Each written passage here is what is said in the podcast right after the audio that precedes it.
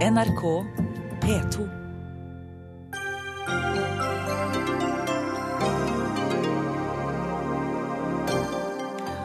Arbeiderpartiet, Miljøpartiet De Grønne og Sosialistisk Venstreparti med ambisiøse planer for den neste fireårsperioden. Men hvem skal betale festen? Av hensyn til miljøet vil byrådspartiene gjøre Oslo sentrum bilfritt. Men vil det virkelig føre til et bedre miljø når utslippene fra veiene rundt havner i Oslo-gryta? Nesten 18 000 mennesker har søkt om asyl hittil i år, og ingenting tyder på at strømmen vil avta. Myndighetene er i gang med hastetiltak for å takle situasjonen.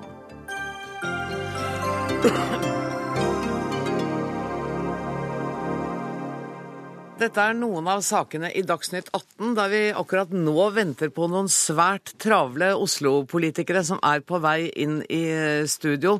Eh, velkommen til deg, eh, Lan Marie Njen Berg. Vi venter nå på Raymond Johansen og Marianne Borgen. Har det vært en litt travel dag så langt, eller? litt travel dag. Ah, har du begynt å liksom kjenne litt på ordførerverdigheten ennå? Ikke så veldig, Nei. men uh, Det kommer vi får se. Når vi bare får Raymond Johansen også på plass, jeg skjønner at det er litt travelt, skal dere få puste litt, og så skal jeg lese en lang introduksjon. OK? Vi vil sikre barn i fattige familier en god start på livet. Vi vil styrke innsatsen mot arbeidskriminalitet og sosial dumping.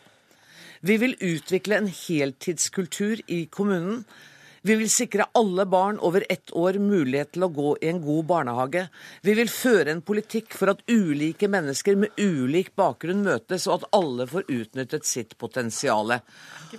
Og dette er bare noen av løftene som dere tre kommer med i plattformen. Dere, Er dette mer enn en litt lang 17. mai-tale? Raymond Hansen? Absolutt ikke. Dette er Det er ikke noe mer? Jo, det er noe mer, mente du? Og Det spørs hva du mener med en 17. mai-tall. da. Ja. Dette er i hvert fall en eh, erklæring på hva vi eh, har ambisjoner om å gjennomføre de neste fire årene i eh, landets hovedstad. Det er ambisiøst, og vi har vist en ny retning for eh, Oslo. Det dreier seg om å ta valg, noen tøffe politiske valg, og endre eh, en del av den kursen som Høyre og Frp har fått satt i Oslo de siste 19 årene. Og det er Miljøpartiet De Grønne som er eh, dette valgets eh, store vinner, Lan Marie Njen Berg. Alle disse fantastiske løftene er jo avhengig av at dere får et økonomisk handlingsrom til å gjennomføre det. Hvordan har dere tenkt å få til det? Det kommer litt an på hvilke løfter du snakker om, men det vi gjør eh, nå med dette nye byrådet, er jo at vi innfører en moderat eiendomsskatt. Og det er jo noe som også er viktig for oss i Det Grønne, at vi har en ansvarlig økonomisk politikk når vi har store investeringer foran oss i velferdssektoren og på klima og miljø. Og nå lover vi jo veldig mye, en stor et stort taktskifte på klima og miljø, og det er fordi Oslo trenger det. Fordi Norge trenger en hovedstad som går foran og er en spydspiss i klimaarbeidet. Det er greit, og det skal vi snakke mer om litt seinere. Men, men tilbake til eh, økonomien. Marianne Borgen, er ikke du litt bekymra? Altså denne byen som du nå er ordfører for, står foran store investeringer. Gjeldsbyrden kommer til å bli enda større. Og med den regjeringen vi har, er det vel lite trolig at dere får veldig mye mer støtte fra de sentrale myndighetene. Hvordan skal dere løse det da? Hun sa eiendomsskatt. Ja, nå er jo ikke dette en, en, en smørbrødliste med gode ønsker. Vi har jo hatt en ganske Vi har sittet tre uker i forhandlinger. Vi har merket det. Vi, har, vi, har, vi merker det også. Eh, Og vi har vært grundige i våre analyser, også av de økonomiske analysene. Okay. Og eh, en av grunnene til at vi kan gå så langt som det vi gjør, handler jo også om at dette byrådet har altså tenkt å innføre det du kaller en moderat eiendomsskatt, men som vil, vil gi kommunene et større økonomisk handlingsrom enn det vi har. Og så har også Oslo kommune et stort budsjett fra før, på 53 milliarder kroner eller noe sånt nå, som vi skal bruke litt annerledes enn det byrådet som har vært. Så dette er, dette er ansvarlige ønsker i forhold til en analyse av den økonomiske situasjonen, ja. En ansvarlighet som ikke heller Arbeiderpartiet har problemer med å gå inn på. Vi er eh, veldig, Dette er eh, ansvarlig, og det å ha, sette økonomien over styr, det er ikke spesielt radikalt. Eh, Og de eh, tre partiene er opptatt av at eh, vi skal holde en trygg økonomisk styring. Det skal, vi, det skal vi klare, og de løftene vi har her, er mener jeg er investeringer. Det å satse på så, og at mange av de som står utenfor barnehage, skal kunne komme inn i barnehage. Mange av de kan ikke norsk. Det er ambisjoner om å få enda flere gjennom videregående skole, gjennom studieløpet. Vil gjøre at de er i stand til etter hvert kanskje å få seg jobb, som er en forutsetning for å klare seg sjøl. Vi har betydelige utfordringer med dropouts, eh, også på, skole, eh, på skolene her i Oslo. Og eh, da må det satses og settes inn en tidlig innsats. Og det er et nøkkelord for denne byrådserklæringen, er tidlig innsats. Satse på at enda flere er i barnehage.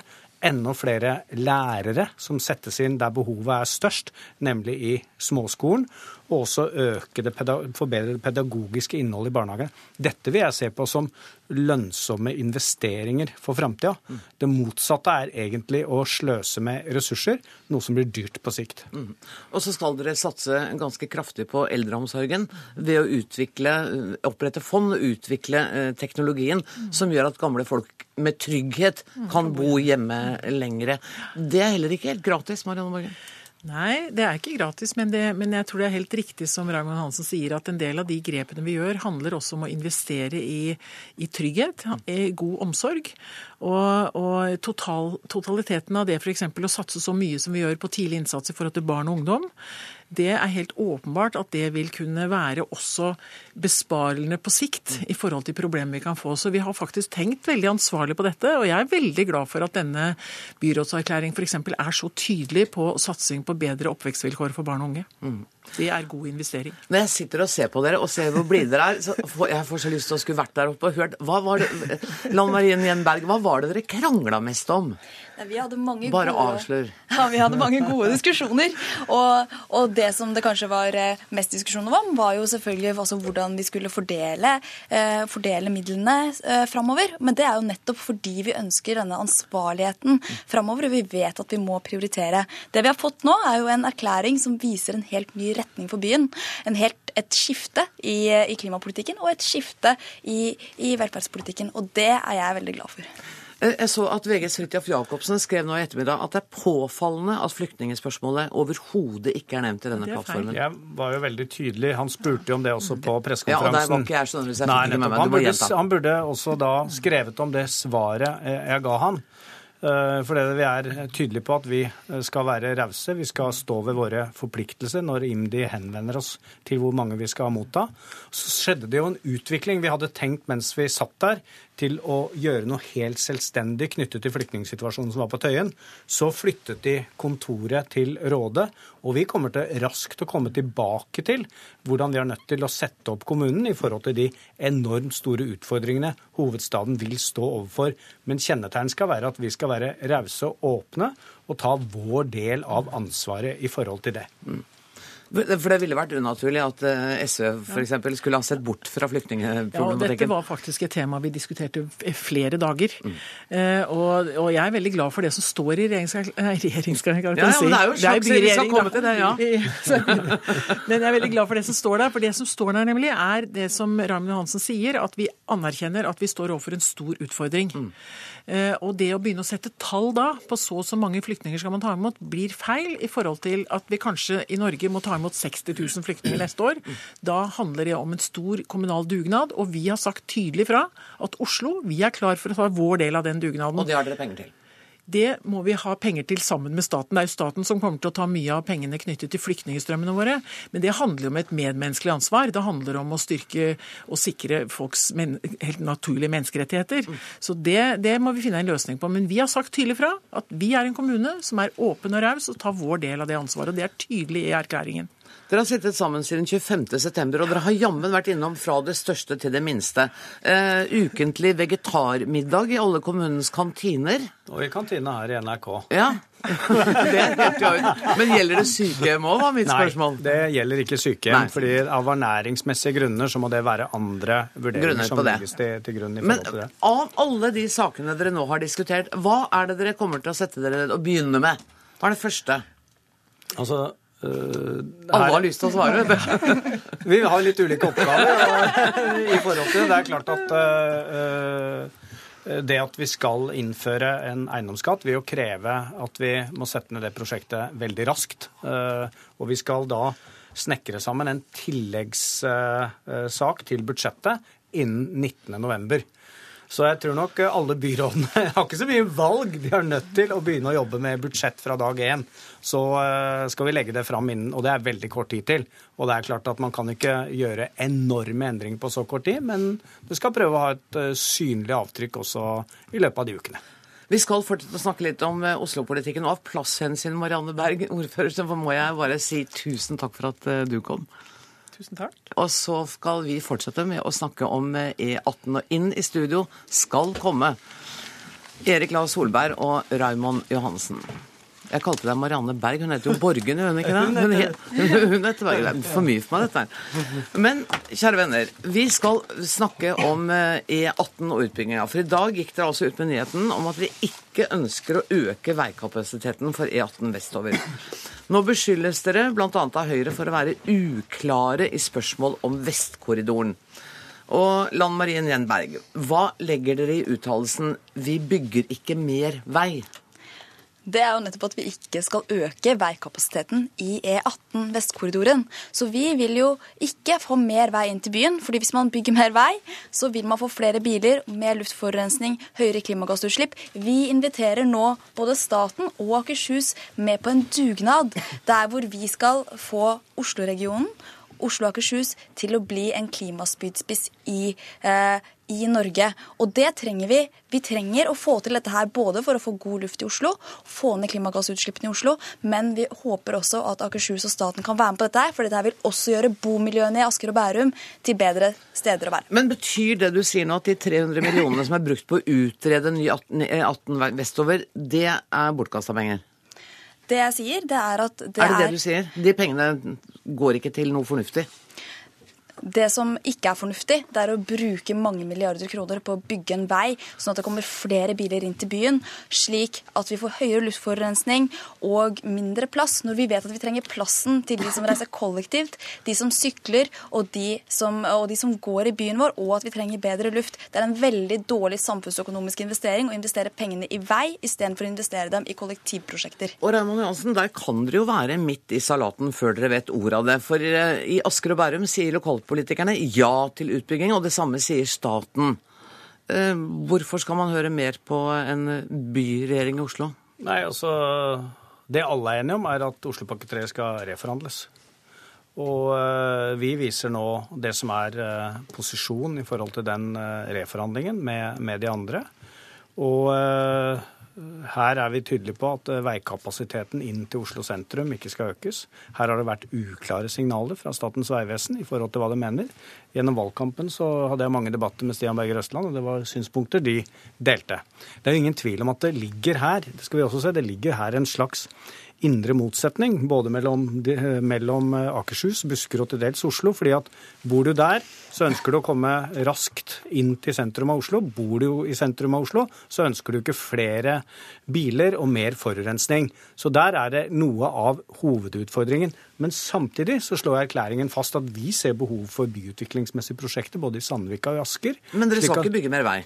Hva er det å forhandle om da? Hun sa jo nettopp det. Skal, vi skal ikke bygge mer vei. Det står samtidig at det er Det skal vi ikke. Vi skal ikke ha veikapasitetsøkning inn mot Oslo sentrum. Nei. Og så uh, sier vi samtidig at vi ser at det er behov i Asker, Sandvika, for at det skal bli et helt sentrum. At de kan slippe forurensning og støy der. Så nå må vi inn i detaljene. Og dessuten så må jeg jo si at det er jo veldig naturlig å sette seg ned og reforhandle og diskutere et prosjekt som har økt i prisantydning fra 20 milliarder til 40 milliarder kroner. Ja. Og, uh, Mitt lille er... poeng var bare at hvis dere sier dere ikke skal bygge mer vei, så er det jo ikke så veldig mye å forhandle om. For da er vi ferdig der. Ferdig snakka. Ja, men vi har jo snakket samtidig om behovet uh, for, uh, for å styrke kollektivtrafikken, og også at, som regjeringen også har sagt, økningen som nå er i befolkningen, skal tas med gang, eller gå, sykle eller kjøre, kjøre kollektivtrafikk. Hårek Elvenes i Akershus Høyre kaller dette en krigserklæring mot Oslopakke 3 og et eksempel på total styringssvikt.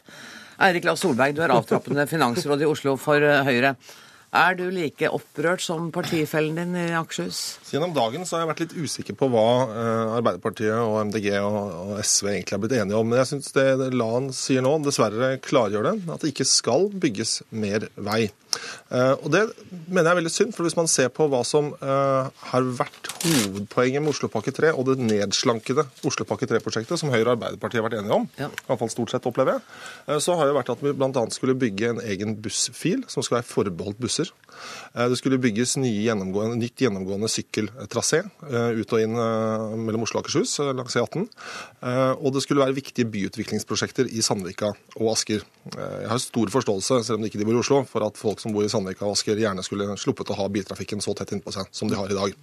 Og Det mener jeg er gode og viktige prosjekter. Og Det er kanskje det viktigste kollektivprosjektet vi kan, kan gjøre for å redusere personbiltrafikken fra Akershus og inn til Oslo. For De siste årene så har vi jo sett at biltrafikken i Oslo har vært flatet ut eller gått ned, mens trafikken fra Akershus og inn til Oslo har økt. Og Hvis man da fjerner det viktigste tiltaket, som nemlig, nemlig er å ha egne bussfiler, så risikerer man jo, eller vil man veldig raskt oppleve, at man ikke får til eh, en reduksjon i biltrafikken og økning i kollektivtrafikken. Så dette mener jeg er å gjøre miljøet en stor bjørnetjeneste. Og det er å sette en strek over de viktige miljøsatsingene som ligger i Oslopakke 3. Lan Marie Nenberg.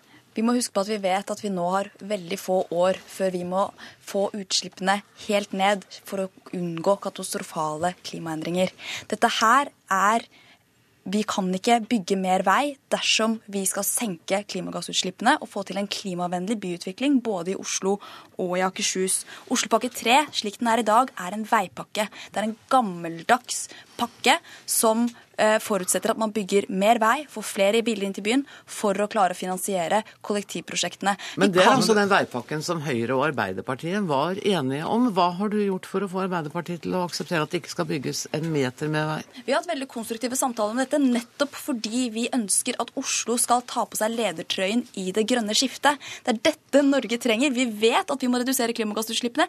Det skal vi diskutere i Paris seinere. Vi diskuterer det på nasjonalt nivå. Vi vet at vi skal redusere utslippene nasjonalt med 40 Da må vi faktisk begynne å gjøre noe, og det er det vi gjør i Oslo i dag. Og det er det som er så engasjerende med denne erklæringen, og som vi også håper å få med oss Høyre i Oslo på. Det kan være helt trygg på at du ikke får til hvis du dropper kollektivfeltet for buss. Det, det egne busstraseen inn til byen. For det er jo nettopp det som vil bidra til at vi reduserer klimagassutslippene, at vi reduserer forurensende biltrafikk inn til Oslo. Det er at det blir mulig for mennesker som bor i Asker, Bærum, Drammen, Lier, å ta buss, i lett større grad å ta buss inn til Oslo sentrum når de jobber der. Dette du gjør dere, dere gjør det eksisterende vanskeligere. Ja, men dere gjør det vanskeligere å få en god kollektivdekning og få gode bussforbindelser inn til Oslo sentrum. Det eksisterende veinettet vil være veldig krevende. Da må du nesten ta og redusere antall eh, bilfelt til ett eller noen steder to hvis du skal gjøre dette. Så det vil skape masse kø, kork og kaos. Jeg tror at det du vil få til ved å satse på det bussfeltet som det har vært bred enighet om, er å redusere eh, klimagassutslippene og få mindre biltrafikk. Så det dere faktisk gjør, og dere har på en måte malt dere selv opp i et hjørne hvor dere tror at det å fjerne dette bussfeltet skal bi- bidra til et bedre miljø. Det er det stikk motsatte som kommer til å bli resultatet. Og jeg er egentlig ganske skuffet over at dette er resultatet eh, av de forhandlingene. Raman Johansen, du har spist noen kameler. Du, Nei, har altså, gått, det- jo, jo, du har gått fra det nei, ene slank Nei, altså, denne diskusjonen, eh, slik Erling Lae Solberg nå eh, fremfører, er jo ikke for og mot å bygge et ekstra bussfelt. Det er, ikke, det, er ikke, det er jo ikke det saken dreier seg om. Det vi ikke har fått garantier på, det er om du utvider E18, og det er et politisk ansvar, som jeg også trodde Høyre ville være opptatt av. Vi har ikke fått noen garantier om den økte veikapasiteten vil føre til mer privatbiler inn mot Oslo, inn mot Oslo sentrum. Deler av Statens vegvesen sier at det selvfølgelig vil skje. Og da kan du se at når vi da har en ambisiøs politikk, som jeg trodde også regjeringen ville være opptatt av å følge, hvordan vi skal redusere klimagassutslippene, så må vi ikke risikere at vi bruker milliarder på milliarder av kroner til å kanalisere mer trafikk inn mot Oslo, Oslo sentrum. Og her er. Gjennom hele valgkampen har Statens vegvesen i Oslo også vært svært uklar på hva dette faktisk vil vil, Men nå er det vil du som er uklar, innebære. Ramin Hansen. Fordi For meg så blir det nå veldig uklart. Ønsker dere å bygge et bussfelt, sånn at vi får redusert privatbilismen inn til Oslo? Ønsker dere å bidra til byutvikling i Sandvika og Asker, eller ønsker dere ikke? vi ønsker å bidra til byutvikling i Asker og Sandvika. Det har, vi sagt, det har vi sagt veldig tydelig. Ja. Og vi må selvfølgelig gå i gjennom forhandlingene, dialog med Statens vegvesen. Vi kommer ikke til å akseptere en veikapasitetsøkning som vil føre til økt biltrafikk inn i Oslo sentrum. For det vil være, det vil være undergraving av den strenge politikken vi vil føre. Jeg skal prøve, nå. skal, prøve, skal prøve en gang til. Men, men vil dere gå inn for bygging av et kollektivfelt som er forbeholdt busser? Det er det han spør om. Ikke hvis det vil øke den totale okay. veikapasiteten. Den, hvis det vil øke den totale veikapasiteten inn mot Oslo sentrum, så kan vi ikke gå for det. Men, men det, som er, mu- det er mulig å, å sørge for at det ikke blir flere biler som kjører inn til Oslo sentrum med andre virkemidler. Vi har f.eks. tatt orde for, til orde for, orde for det miljødifferensierte avgifter eh, inn til Hvilket vi står veldig tydelig på Nettopp. i vår veldig, det som virket er veldig flott. Det er vi enige om. Lavutslippssoner. Eh, Og, det er det og lavutslippssoner er også bred enighet om. Så det er mulig å gjøre tiltak for å redusere bilkjøringen inn til sentrum, men samtidig bygge et bussfelt som virkelig vil bidra til redusert bilisme. Og jeg fatter ikke at Arbeiderpartiet, som har stått sammen med oss om dette så lenge, nå plutselig ønsker å sette en strek over den viktige miljøsatsingen som dette bussfeltet er. Det fatter du, for nå sitter de i byregjering. Ja, men Jeg hadde ikke trodd at de skulle svelge akkurat den kamelen. fordi Ja, dette har vi- vært så nå- nå viktig for vi- nå- utviklingen av hele hovedstadsområdet. Nå, nå skal vi inn i, i- inn i forhandlinger, reforhandlinger av Oslopakke 3. Og vi har en tydelig og klar posisjon i forhold til det. Gleder meg. Du, eh, Denne gangen er det deg jeg skal be gå. Nestemann ut. Ja, nå er det nestemann. Det er litt sånn storleken her i dag. For nå skal vi snakke om et eh, bilfritt eh, Oslo sentrum. Og da venter jeg også en ny gjest inn. For Oslo sentrum skal bli bilfritt innen 2019. Miljøvennlig transport skal få bedre plass. Det blir trygt å sykle i byen. Men kommer det til å hjelpe på lufta å fjerne bilene, Lan Marie Jen- Njenberg?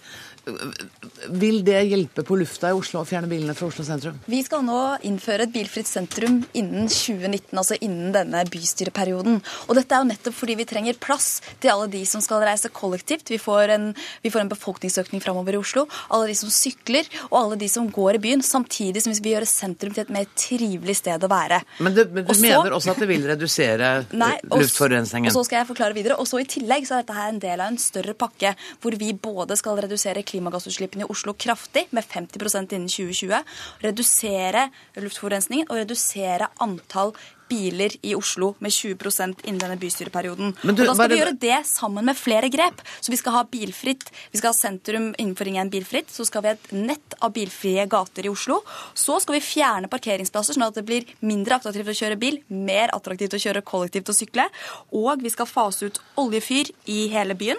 Og få bussen over på fossilfritt. Og vi satser på et stort elsykkelfond, som gjør at det blir mer attraktivt å kjøpe elsykkel. Men mitt lille poeng var Dere mener altså at uh, lufta i Oslo sentrum blir bedre ved å fjerne bilene fra Oslo sentrum? Det er noe du har sagt. Nei, det er ikke noe jeg har sagt. La oss, høre på, oss høre på et klipp fra pressekonferansen i dag. For første gang så var Oslo et byråd som går aktivt inn for å redusere biltrafikken i Oslo.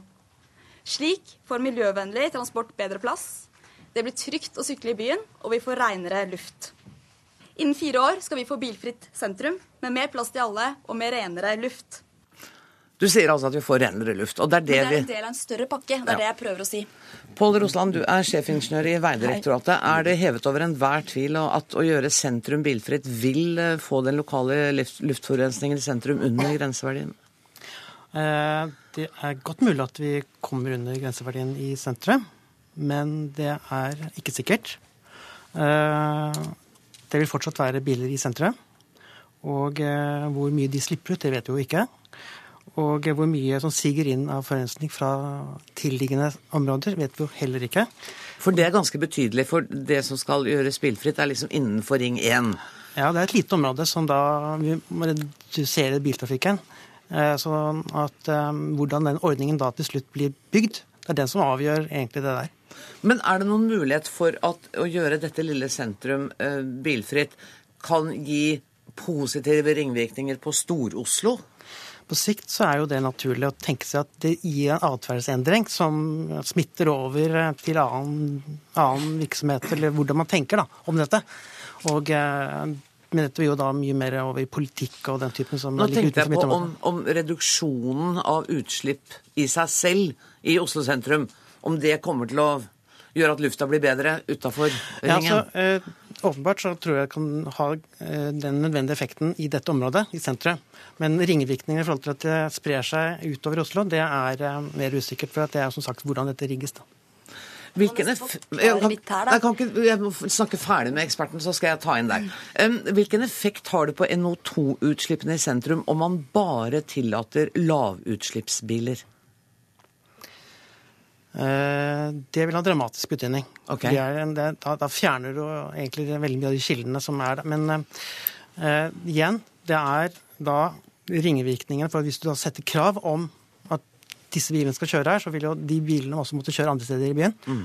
Og eh, de etterlater seg jo der på en måte et spor da, som da som sprer seg. Som vil ligge der Ja. uansett. Så det er ikke noen kvikk løsning på Oslos miljøproblemer å gjøre byen bilfri? Å gjøre sentrum bilfri? Som sagt, det er hvordan du bygger den. Det er hvordan du bygger den. Ja. Ja, jeg ville bare si at dette blir en litt kunstig diskusjon. fordi at Poenget med å gjøre sentrum bilfritt er jo ikke bare det å få renere luft. Det å få renere luft er en del av en større pakke i byen. Vi vil innføre lavutslippssoner som vi skal utvide til å gjelde innenfor Ring 3 innen 2024. Vi vil ha 20% reduksjon i biltrafikken innen 2019, og det er det NILU foreslår for å, eh, for å kunne senke eh, luftforurensningen ned til et trygt nivå. Og I tillegg så vil vi også gå inn i samarbeid med staten og Akershus for å få miljø- og tidsdifferensiering i bomringen, sånn at vi også kan redusere biltrafikken. Så dette her er jo altså en del av en større pakke for å redusere eh, luft, luftforurensningen i byen. Bilfritt sentrum er en litt annen diskusjon. Men Gunnar Larsen, du er administrerende direktør i Oslo Handelsstandsforening. Hvor lykkelig er du over dette forslaget? Eller det, ja, dette arbeidet? Ja, Vi ser jo at arbeidet eh, nå begynner å kanskje gi frukter. Vi, eh, vi har eh, hele tiden etterlyst en konsekvensanalyse som forteller hva blir virkningene av de forskjellige tiltakene. Og Det har vi ikke fått noe svar på ennå. Men hva er, det, hva er det du frykter? For det er jo bare 7-8 av oss som bruker bilen i sentrum i dag. Ja, det er, jo, det er jo en grunn til at bare 7-8 eh, bruker den, men de handler for eh, bortimot eh, 20 eh, av omsetningen. Oslos andel, eller sentrums andel av Oslos omsetning har gått ned fra 30 til 16% i løpet av vel 15 år. Så det er jo en grunn til at til at de eh, bilbaserte kjøpesentrene utenfor sentrum har hatt eh, suksess, og fortsatt har suksess. Og det er det du er redd for? At de kommer til å vokse, mens eh, handelen i Oslo sentrum vil dø langsomt ut? Nei. Det er du ikke redd for? Nei. Fordi 57 av sentrene i Oslo og Akershus eh, hører til eh, hos oss, og kun 11 av de ligger i, eh, i Oslo sentrum. Men eh, vi er redd at Oslo sentrum blir en eh, dødere by med mindre eh, liv. Fordi det er jo en kjensgjerning at det er handelen som ofte skaper liv i sentrum. Så du er bekymra for handelsstanden i Oslo sentrum? Ja, vi er, bekymret for den delen av handelsstanden som er, eh, som er annerledes enn det du finner på kjøpesentrene. Nettopp. De som har eh, drevet butikk, eh, serveringssted i generasjoner, og kanskje til og med har fått kjøpt lokalet og, og, og gården, de har ikke forretning noe annet sted. De er de som i første rekke blir rammet, og det bekymrer oss. Erik Lars Solberg. Jeg er bekymret for at dette kommer til å ramme den delen av handelen som skjer i sentrum. Eh, Og det er mange av oss som eh, handler i sentrum. Noen ganger så har vi behov for å ta bilen. eh, Og da vil, hvis vi ikke har mulighet til å de få gangene kjøre inn til sentrum og handle, så vil mange av oss kjøre på kjøpe- kjøpesentrene andre steder i byen. Så jeg eh, tror det kan føre til et, eh, som også Larsen sier her, eh, et, en svakere eh, handelsnæring i sentrum, en dødere by, og at vi flere kjører til kjøpesentrene, som jo også er uheldig fordi det forurenser. Men det er jo ikke egentlig vært noe stor uenighet tidligere i Oslo bystyre om at vi skal gjøre grep så for å begrense bilkjøringen i sentrum.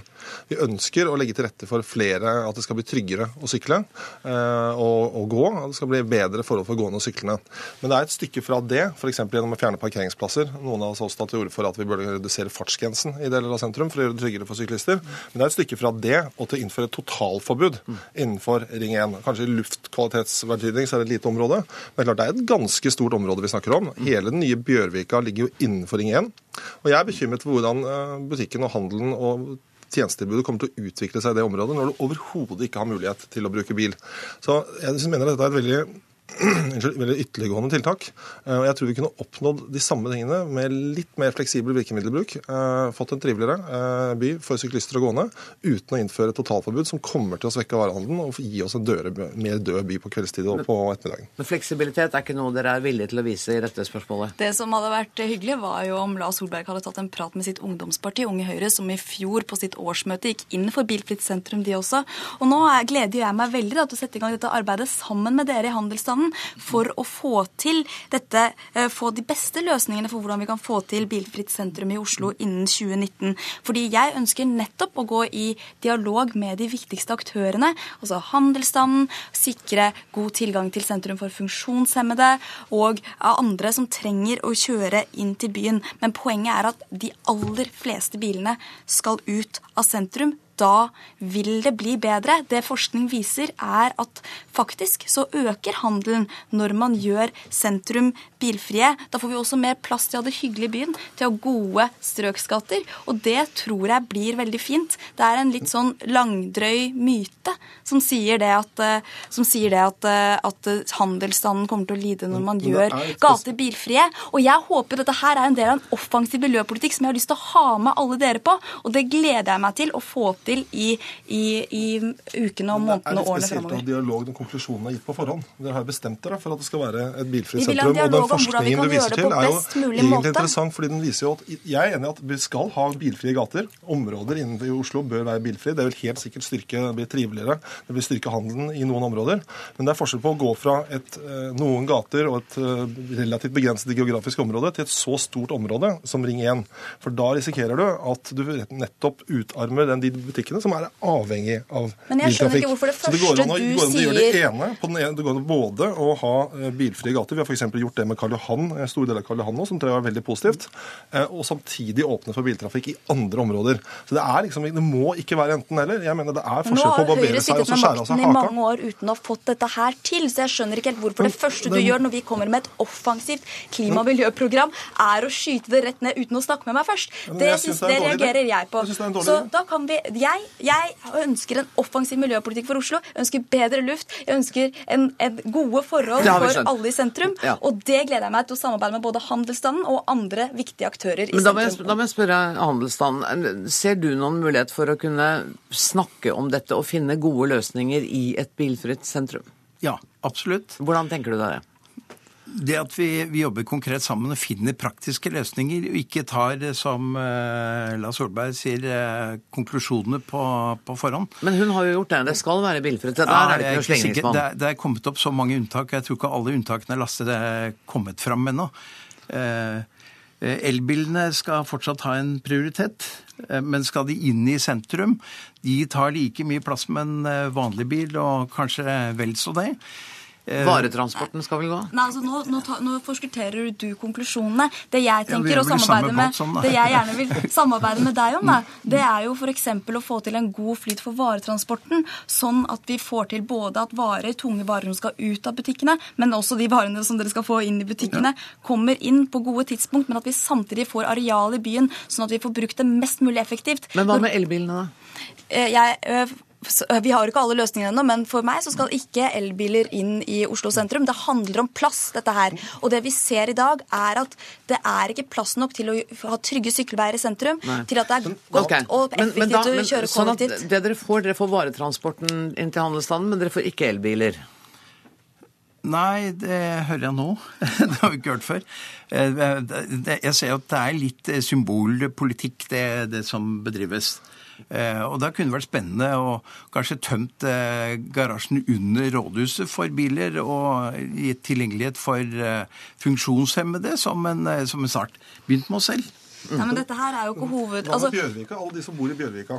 eh, Skal de ikke kunne ha bil lenger? Må de reise ut utenfor Ring 1 da, for er- å benytte seg det av er bilen faktisk sin? ikke så Og hva veldig er det med mange som bor innenfor Ring 1. Nei, Det er men det bare kommer til å bli stadig Nei, flere altså når vi bygger ut Fjordbyen. Det er en av de store suksesshistoriene de siste årene at vi har klart å ta i bruk sentrumsområdet som vi ikke kunne ta i bruk før. Og, og Men det vi sier dere ser i Oslo i dag, er at bare halvparten av det husstandene under halvparten av husstandene i Oslo bruker bil i dag. Det vi skal gjøre når vi skal skape den klimavennlige hovedstaden, er nettopp å gjøre det å bruke bil unødvendig. Mm. Det er ikke den effektive måten å transportere seg rundt på i den moderne storbyen. Og det er dit vi skal komme. Det er dit vi skal med denne nye erklæringen. Det er forskjell på å gjøre det vanskelig å kjøre bil og legge til rette for andre, og gjøre det helt umulig. Og der, der ligger uenigheten mellom oss. Og vet du hva, Eh, Jeg må sette strek, men før dere går, så skal jeg bare fortelle dere at styret i partiet Rødt i ettermiddag har behandlet et forslag til avtale med den nye byregjeringen i Oslo. Og etter det NRK forstår, så sier styret i Rødt ja til avtalen. Det betyr at Rødt vil sikre flertall for byrådets budsjetter de neste fire årene. Til gjengjeld får Rødt gjennomslag for sitt krav om at det ikke skal komme noen nye kommersielle barnehager i Oslo. Jeg tror det blir livlig i Oslo rådhus. Tusen takk for at uh, dere kom til Dagsnytt 18. Pål Rosland, Gunnar Larsen, eh, Lan Marie Njenberg og Eirik La Solberg.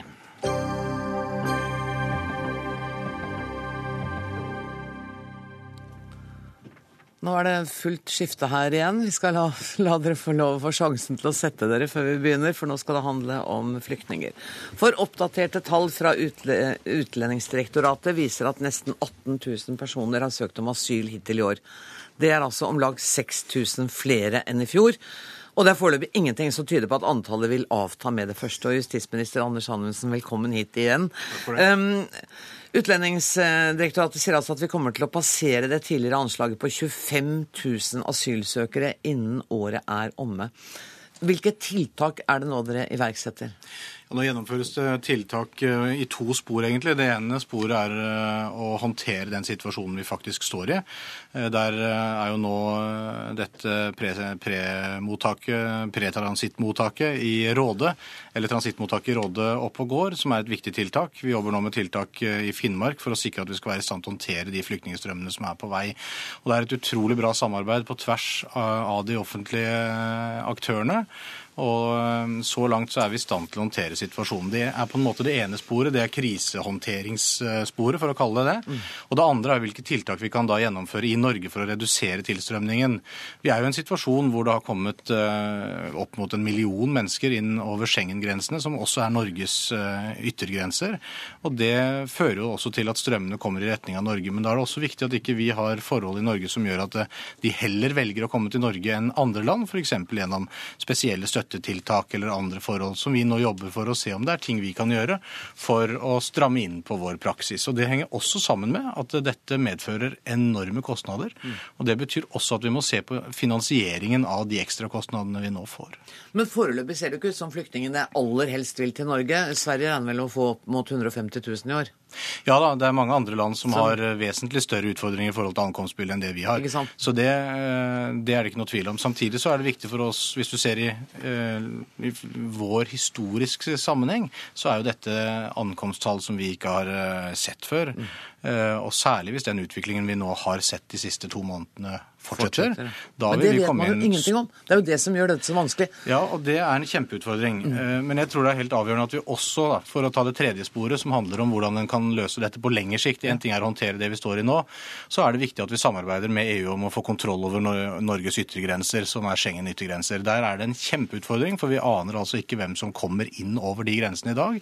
Der har eh, EU heldigvis satt i gang et eh, betydelig skjerpa grensekontrollsystem som gjør at registreringen nå øker. Og det er bare halvparten av de som kommer over de grensene som kommer fra land hvor det er sannsynlig at de eh, har en asylgrunn. Resten kommer hit av andre grunner, men de belaster systemene våre likevel. Og bare det å få stoppet den strømmen av migranter som ønsker bedre levekår istedenfor beskyttelse, eller altså som ikke har behov for beskyttelse, det vil være et viktig bidrag til å håndtere dette bedre. Frode Forfang, direktør i Utlendingsdirektoratet. Tidligere i år så valgte dere å legge ned mottaksplasser fordi det ikke kom så mange asylsøkere. Um, nå trenger dere 15 000 nye mottaksplasser. Sover du om natta? Jeg gjør nok det, men, men, vi har en veldig krevende oppgave. Fordi det er veldig mange mottaksplasser som skal eh, etableres. Og helst i dag? Så raskt som mulig, i hvert fall. fordi i påvente av at de får på plass ordinære mottaksplasser, så må vi eh, operere med det vi kaller akuttplasser. Uh, ulike former for slags nødløsninger. Og, og det, vi, vi, skaffer plasser til alle. Alle får et tak over hodet, men, men vi vil helst uh, ha ordinære mottaksplasser så fort som mulig. Og det er en stor og krevende oppgave som krever et samarbeid med mange andre aktører også for å få til. Mm. Og så vil dere begrense bruken av hotellrom? Ja, altså det har vært eh, egentlig uønsket hele tiden. Det er ikke ønskelig å ha asylsøkere på hotell, men vi har i en periode vært tvunget til det fordi det har vært et så brått og kraftig skifte. Eh, og da har vi, for å sikre tak over hodet til alle, vært nødt til å bruke hoteller i en del sammenhenger. Men, men det ønsker vi å komme så fort som mulig ut av, fordi det er ikke en ønskelig løsning. Det har i det siste vært litt diskusjon om kvaliteten på mottakene faktisk har vært litt bedre enn man i realiteten har råd til. Altså at man kunne redusere litt på det. Hva tenker du om det? Altså, Vi forholder oss til at uh, mottakene skal ha en enkel og nøktern standard. Uh, og Sånn har det vært, og sånn skal det fortsatt være. Uh, så har vi i noen akuttløsninger nå måttet både gå litt opp på det i noen tilfeller, men også en god del ned på de andre tilfeller, for å si det sånn, for det er begge deler her. Men, men, det skal være en nøktern og enkel standard i mottakene. og det er det vi, men forsvarlig? Og forsvarlig. Mm. Men det, og det er det vi jobber etter. Bjørn Gullvåg, direktør i Helsedirektoratet, velkommen du også. Dere har ansvar for at folk får tilstrekkelig helsehjelp når de kommer. Og jeg vil jo tippe at kvaliteten på mottaket også har noe å si hva angår hygiene, at det er nok toaletter, at det er nok dusjer, altså disse tingene. Er dere inne i bildet på dette feltet? Ja, vi jobber veldig tett sammen med UDI og DSB eh, for å tilrettelegge eh, helsehjelp i alle faser av eh, asylforløpet. Og eh, jeg tror at vi nå har eh, stort sett eh, veldig gode systemer som ivaretar den enkelte. Det er jo det er naturligvis en krevende situasjon veldig mange kommer fra. De har samme rettigheter til helsetjenester som den øvrige norske befolkningen når de er asylanter i Norge. Og vi jobber da for at disse rettighetene skal bli ivaretatt på alle uh, mulige områder. Men det må jo ha vært en veldig belastning på din etat også? Det er, på, uh, det er en stor belastning uh, for mange. Men jeg vil jo understreke at dette er stort sett en ganske frisk befolkning. Er det det? Ja, Og det er ca. 2% har vi funnet ut som har hatt behov for legetilsyn i akuttfasen. Altså i de første par-tre dagene. da. Og, og dette 2 seg. Er det sånn omtrent som snittet i ja, befolkningen? eller? Ja, det er uh, antagelig lavere ja. enn uh, befolkningen. Eller i hvert fall ikke veldig annerledes. Og uh, stort sett så er det veldig kjente helseproblemer. Det er forkjølelser, det er diareer, og det henger sammen med at de har vært ute og reist, og at de bor tett på hverandre. Men det er folk med blodtrykksproblemer, det er folk med diabetes som trenger hjelp for sykdommene sine. Så det er liksom ingen stor, vanskelig smitteproblematikk som vi ikke klarer å håndtere. Men jeg tenker på at på litt lengre sikt så må det være noen spørsmål knytta til psykiatri, og den delen kanskje er flere enn 2% Ja, det er klart. Og, det er nok en del som har opplevd uh, traumer i, enten i hjemlandet sitt eller uh, i den reisen som de har hatt frem til Norge. Så vi har nå et opplæringsprogram for kommunene og for de som jobber spesielt i de nye mottakene som opprettes, og, og hvor de regionale eh, sentrene for vold og traume eh, kan gi opplæring til, eh, og kurs da, til de som trenger det. Mm. Så det er en betydelig oppgave som ligger der liksom på lang sikt mm. i forhold til å sikre at alle får den uh, psykiatriske, psykiske helseoppfølgingen som man har behov for. Cecilie Daa, du er direktør i Direktoratet for samfunnssikkerhet og beredskap og har ansvar for å bistå Justis- og beredskapsdepartementet i, ved håndtering av større kriser og katastrofer. Er dette en type katastrofe som er i ferd med å forandre Norge? Det er i hvert fall en ekstraordinær eh, situasjon hvor det er viktig at vi eh, understøtter med det vi kan. Mest synlig har jo det nå vært eh, Sivilforsvarets innsatser både i Østfold og nå i Nord-Norge. Men vi jobber også aktivt med å understøtte nå på analysesiden og forberede oss gjennom å tenke ulike scenarioer, sånn at vi skal kunne ruste oss som best mulig. Hva er det dere tenker da? Vi tenker at vi begynner å få en del erfaring allerede nå som vi kan bygge på i forhold til å tenke hva man bør planlegge for, og hva slags planleggingskriterier man bør legge inn. Videre så kartlegger vi nå eh, i samarbeid med fylkesmennene hva slags eh, fasiliteter og hva slags tenkninger vi kan ha eh, for å lage nye ankomstsentre og kriseløsninger hvis det skulle bli nødvendig på kort sikt. Men, men det må jo bety at dere også samarbeider med kommunene? Vi samarbeider tett med Fylkesmannen og gjennom det med kommunene. Men det er nok sånn at det er kommunene som er det punktet som kanskje trenger mest understøttelse også fra oss nå. Så vi skal, og er jo i løpende dialog om, eh, om dette. Er det der dere møter mest motstand? Eller det skal jeg kanskje ikke spørre deg om. Jeg kan jo spørre. Ja, ja, nei, jeg, jeg har ikke møtt noen motstand i det jeg har arbeidet med til nå. Forfang, hva sier du? Ja, nei, altså Vi møter egentlig mye mer velvilje enn motstand i møte med kommunene. Mm. Det som er vår oppfordring til kommunene nå, er kanskje heller det at når vi trenger f.eks. en bruksendring, altså endring av formålet med et bygg f.eks.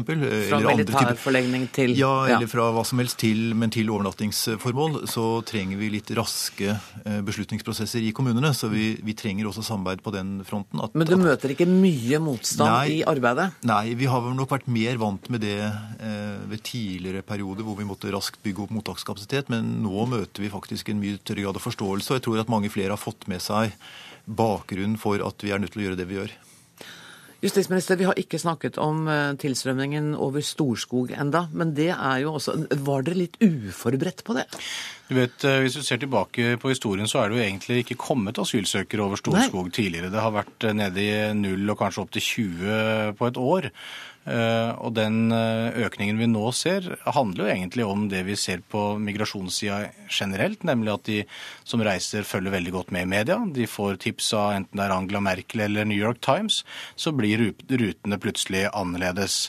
Eh, Og en tar jo på en måte minste motstands eh, vei inn til Europa, og noen mener at det er den ruta. Nå er det det ved den eh, Storskogspasseringen at veldig mange av de som kommer over der, er personer som har oppholdstillatelse i Russland. Som sånn sett ikke har noe grunnlag for å søke asyl i Norge. Så de blir returnert? Og de skal vi nå returnere. Vi, eh, ut, eller vi setter i kraft nå en eh, instruks til UDI, hvor de sakene skal prioriteres opp, slik at de raskt blir, blir sendt tilbake til Russland, rett og slett. Men du kan ikke returnere de returnere dem ved grensen. De må inn i Norge for så å få saken sin behandlet før de kan returneres. Hvis de søker asyl, så må de få saken sin behandla, men da kan de få den behandla etter en hurtigprosedyre, sånn at den raskt avklarer at de har oppholdstillatelse i Russland, og derved heller ikke behov for beskyttelse. Det er sånne tiltak som vi eh, nå setter i verk, men det er også andre tiltak vi er nødt til å se på. Vi er jo avhengig av å ha et godt samarbeid med russiske myndigheter, sånn at ikke mm, handlinger fra Russlands side bidrar til å stimulere til at dette skal være en av eh, de store portene til Europa. Det må vi gjøre det vi kan for å hindre, og jeg tror at et godt samarbeid med Russland vil bidra til det. Har dere det nå? Ja, ja, vi har god dialog med, med russiske myndigheter. En dialog som vi kommer til å fortsette. Men så tror jeg også det er viktig å tenke på hva vi skal gjøre på, på lang sikt. For vi kan ikke være i denne situasjonen lenge. Det er, vi er en befolkning på fem millioner mennesker. Eh, Europa har eh, opplevd en eh, migrasjonsstrøm nå som vi ikke har opplevd siden andre verdenskrig. Og da er det viktig å tenke på alternativer. Nederland har f.eks. kommet med et alternativ hvor en inngår samarbeidsavtaler med eh, land i nærområdene og betaler rett og slett for eh, trygge havner i nærområdene, kan returnere fra Europa til disse trygge områdene, og så plukke ut asylsøkere mer eller mindre på samme måte som vi gjør med kvoteflyktninger, og få et system som vi kan håndtere sammen. Det er et eh, initiativ som fikk støtte av, av ministerrådet i, i Brussel nå for to uker siden, som vi, også, som vi støttet veldig sterkt. Så det er viktig at vi nå eh, klarer å håndtere den situasjonen vi står i, men dette er ikke en situasjon som verken Europa eller Norge kan stå i over lang, over lang tid. Men ut året kommer vi til å stå i den. Ja, da, Vi ser jo ikke noen spesielle endringer nå, men vi må få gjennomføre innstrammingstiltak i Norge for å sikre at ikke vi får en større andel av asylsøkere til vårt land enn det vi ellers ville fått. Statsråden får mest taletid, men det er litt vanlig det. altså Jeg beklager det, dere, men jeg har, et spørsmål til til deg. Vi har sett i Sverige at uh, trolig er asylmottak påtent. Um, det er en økende misnøye og motstand mot eh, flyktningene. Ser du noe av det samme i Norge? Du, eller frykter du dette? Ja, Så langt har vi ikke sett det i Norge, og det er jeg veldig glad for. Eh, Jeg tror det er viktig at eh, Og, og vi lærer jo selvfølgelig å følge med på det som skjer i Sverige. Vi kan ikke utelukke at det samme kan skje i Norge. Eh, Men jeg tror vi også må huske på at i Sverige så tok de i fjor imot 81 000. I år ligger det an til over 100 000. Og sett i det bildet så er det relativt mange færre ankomster til Norge. Eh, Og vi er i en situasjon hvor vi rett og slett må håndtere dette. Eh, Det å tenne på bygninger som er påtenkt til asylmottak, det er en nedrig negativ handling som jeg håper vi ikke kommer til å se i Norge. Og det vil jo i tilfelle uansett bli slått veldig veldig hardt ned på. Nå må vi løse den situasjonen vi er i, og så må vi klare å sikre de innstrammingstiltakene som gjør at den situasjonen ikke varer lenge. Bjørn Gullvåg, siden vi er inne på frykt og motstand, har, dere merket noe til at nordmenn er redde for at flyktninger har med seg smitte? At de representerer en fare helsemessig eller på andre måter? Ja, litt uh, uro er det nok for det. Og det er vel spesielt dette med smitte som eh, en del er engstelig for. Og jeg tror uh, det er viktig fra vår side å si det at faren er veldig liten når det gjelder smitte. Det er ikke større fare ved denne type migrasjon enn det er ved turisme. Er den opp, de opplysningene Det er viktig ja. å ha med seg. Ja, sånn at, men det er klart at når, når, folk bor sammen i tette forsamlinger over lang tid, så kan det skje smittetilfeller. Og det er viktig for oss å oppdage tuberkulose. Så det, det gjør vi med, eller det, vi tar undersøkelser med, med røntgenbilder med en gang når de kommer, for å sikre at de ikke har smittsom lungetuberkulose. Gjør de det av alle? Ja, det gjør vi av alle. Det er lovpålagt i Norge. Og det er måten vi håndterer eh, tuberkulose på i Norge, som gjør at vi stort sett ikke har den sykdommen i Norge lenger. Mm. Eh, men vi er helt avhengig av det, og vi, er, vi har allerede funnet en håndfull eh, av de som har kommet som asylanter nå i den senere tiden. Men det er som vi er vant til ellers eh, i år også. Og det er, heller ikke, er det den farlige tuberkulosen som er eh, antibiotikaresistent, eller er det Nei, Nei. Det, er, det, er, den som kan behandles, behandles. som vi foreløpig har eh, funnet. Og så anbefaler vi at eh, flere skal få poliovaksiner og vaksiner i forhold til meslinger og kusma og røde hunder. Eh, så det er noe som kommunene kanskje bør skjerpe og bli enda litt bedre på, for da kan vi forsikre oss om at vi ikke får disse smittsomme sykdommene inn. Vi får håpe at eh, kommunene hører på Dagsnytt 18 og hører på deg. Tusen takk for at dere kom, Frode Forfang, Bjørn Gullvåg, Cecilie Daa og Anders Anundsen.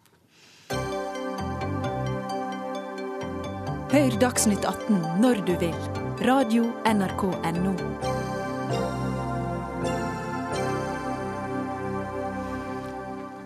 Til slutt i Dagsnytt 18 i dag skal det handle om norske toppledere og engelskkunnskapene deres. For i et oppslag i Dagens Næringsliv i dag så får ledere som Erna Solberg, Petter Stordalen og Anita Krohn Traaseth passet påskrevet av en amerikaner. Rick Salmon, du kaller deg selv wannabe norsk. og Du er gründer, og du har jobbet med kommunikasjon i internasjonale toppselskaper som f.eks. BP. Og nå har du analysert norske lederes engelskkunnskaper, og du var ikke helt fornøyd? Ikke helt fornøyd, det stemmer. det. Takk for at du inviterte oss her. Eh, det er ikke deres engelskkunnskaper primært. Det er hvordan vi bruker stemmen når vi er framme og snakker på engelsk. Så jeg tok siv norske ledere, bl.a. Anita, uh, som skåret veldig høyt med den teknologien vi bruker. Var derfor hun var villig til å komme hit i dag? Så analyserte vi stemmene til disse lederne og fant ut at uh, den måten de tolkes av publikum, ofte er kanskje ikke helt i tråd med det de ønsker å fremme. Og det er fordi stemmen blir annerledes når du snakker engelsk? Ja, det, det, er mange grunner til det. Så, uh, men gr største grunn til det er at når nordmenn og Nå generaliserer jeg veldig mye, så jeg kommer sikkert opp i problemer her. Men ja, ja. når nordmenn er fram og snakker i, på engelsk, så har de tendens til å være litt mer forsiktige. Og når de er forsiktige, så roer de seg ned og snakker litt monoton. Da skal man være litt forsiktig liksom ikke si noe som kan bli tatt på, osv. Og, og så Det tolkes av publikum som litt kjedelig, litt mm. monoton. Anita Krohn Traaseth, kjenner du deg igjen i dette her, eller? Jeg gjør det. Kjenner meg veldig godt igjen. Ja. Jeg syns det var en, en fin artikkel, og jeg syns det var en viktig artikkel. Eh, og, og han har mange gode poenger. Og sånn som vi snakket om litt på bakrommet her, at det er andre krav også til hvordan vi skal kommunisere. Og jeg tror den utryggheten også kommer at vi har ikke det samme vokabulæret. Eh, og det å både skal eh, være entusiastisk og gjøre det på et språk du ikke mestrer, da blir du utrygg. Og da blir du monoton. Og det merker publikum. Og det kjenner jeg meg igjen i. Men, men hva kan du gjøre med det? Altså, For du snakker godt nok engelsk. Jeg har hørt deg snakke engelsk. Du har ordforrådet, og du har kunnskapen, og du har grammatikken politikken. Alt sitter inne. Hva er liksom jeg kan spørre deg, Erik, hva, hva, kan hun gjøre, da? Hun Hvis jeg skulle gi Anita råd, for jeg har allerede sagt henne, hun har en fantastisk engelsk eh, ja. som hun demonstrerer når hun snakker, men hun kan snakke litt saktere. Roe seg ned. Mm. Anita er veldig kraftfull i sin ledelse, det har vi sett mange eksempler på. Men når hun roer seg ned og, og snakker fra leveren, mm så er det en helt annen Anita som kommer fram, enn den som kanskje prøver å forte seg gjennom hva man skal si. Og, og, så fort som mulig. Det, det, som er poenget, er at alle reglene har endret seg de siste fire-fem årene. Takket være TED Talks, uh, YouTube. internasjonale publikum forventer at vi skal være mye mer dynamisk enn en kanskje for fem-ti år siden. Så veldig interessant. Vi, det som virket for ti år siden, det funker ikke lenger. Men du snakker jo et fremmedspråk nå. Norsk er jo ikke ditt morsmål. That's men jeg ser jo på kroppsspråket ditt og på energien at du snakker norsk sånn som du sannsynligvis ville snakket amerikansk. I hope so. ja, for, ja. Should we continue in English? Would you like to? We could, I wouldn't know. Thank you. Um, du har også analysert statsministeren, Erna Solberg. Uh, og jeg har lyst til at vi bare skal høre, for at du snakker om de bitte små ordene som ikke er ord, og som svekker autoriteten vår. La oss høre på to små kutt med statsminister Erna Solberg. I think, uh, but I think I think there is always there's there is a difference in, in Norway too between how male politicians are treated and how women politicians are treated. I think I think it's um, it has to to a certain degree to it's because they you you you might expect something more out, of a woman on some areas. Uh, Og så det neste kuttet. La meg forklare. det. I det neste kuttet så har vi redigert bort en del av disse tingene. De heter parasittord. De heter parasittord. Det er disse egentlig meningsløse uh, uttalelser som Erna kommer med når hun driver og tenker på hva hun skal gjøre. Okay. Så, så det var det vi diskuterte. Jeg tror de sliter litt i teknikken. Det er mulig vi ikke klarer å finne det. okay. Vi prøver. There is a difference in Norway too between how male politicians are treated and how women politicians are treated. Rett til saken. Ikke sant? Erna er ekstremt sterk. Hun er en fantastisk leder. Og når du kutter bort disse par parasittordene, så blir hun eh, helt noe annet. Eh, Hun har en helt annen eh, effekt på folk. Men er det ikke også noe sjarmerende ved at vi beholder den norske identiteten også når vi snakker engelsk? Internasjonale publikum ønsker at du skal stå der og, og skinne. De står der, står der og virkelig være dynamisk og interessant. Hvis det gamle, tradisjonelt norsk betyr monotont og litt kjedelig, jeg er ikke sikker på at vi skal beholde det. Anita Krohn Traaseth, du innførte engelsk som hovedspråk i Innovasjon Norge i fjor. Jeg gjorde det. Eh, første arbeidsdag. Eh, det er en parasitt. Ja. Nå kjenner jeg ble veldig bevisst. Jeg føler litt sånn inn på teppene og rett i ryggen. Og det er ikke så greit, det her. Eh, når jeg startet 15.9. i fjor, så hadde alle kollegene mine over hele verden laget en videohilsen med en hyggelig velkommen på sitt språk. Og da tenkte jeg at jeg har jo lyst til å lage en videohilsen tilbake, og da må jeg snakke engelsk, sånn at alle får med seg det. Og da bestemte jeg også på kvelden at alle meldinger som kommer fra meg, og som kommer fra ledergruppa sentralt fra Innovasjon Norge heretter, vil komme på engelsk, sånn at alle forstår.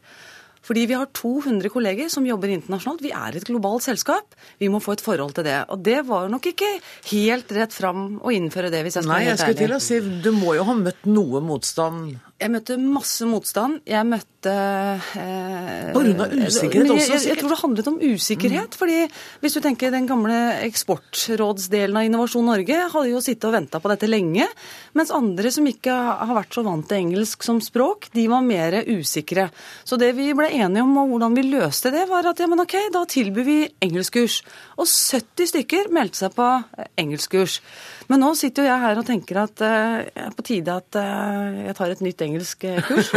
Eh, og, og, og, for det, bare det å få den bevisstheten på hvilken effekt det har, eh, det tror jeg er viktig. Absolutt. Men det, det, dine engelskkunnskaper er helt i orden, så slapp av. Du trenger ikke engelskkurs, men bare kanskje litt feedback innimellom om, om hva du kan gjøre for å være mer dynamisk, hvis det er det du ønsker. For å være mer For å ha, for å ha mer autoritet.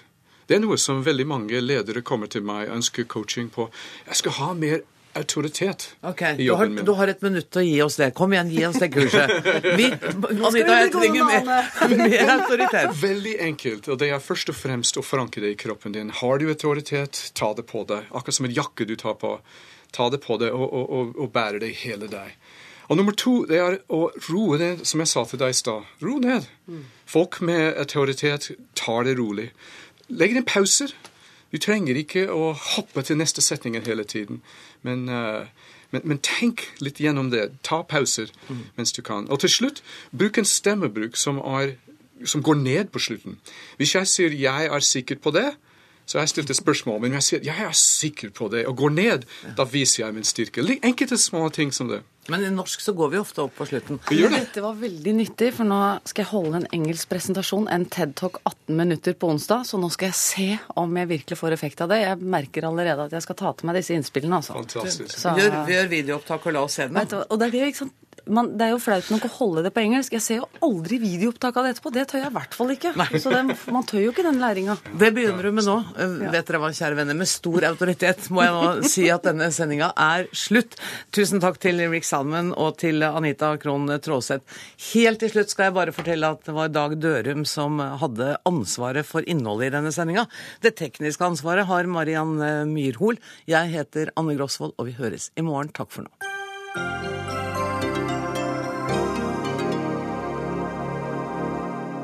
Hør flere podkaster på nrk.no podkast.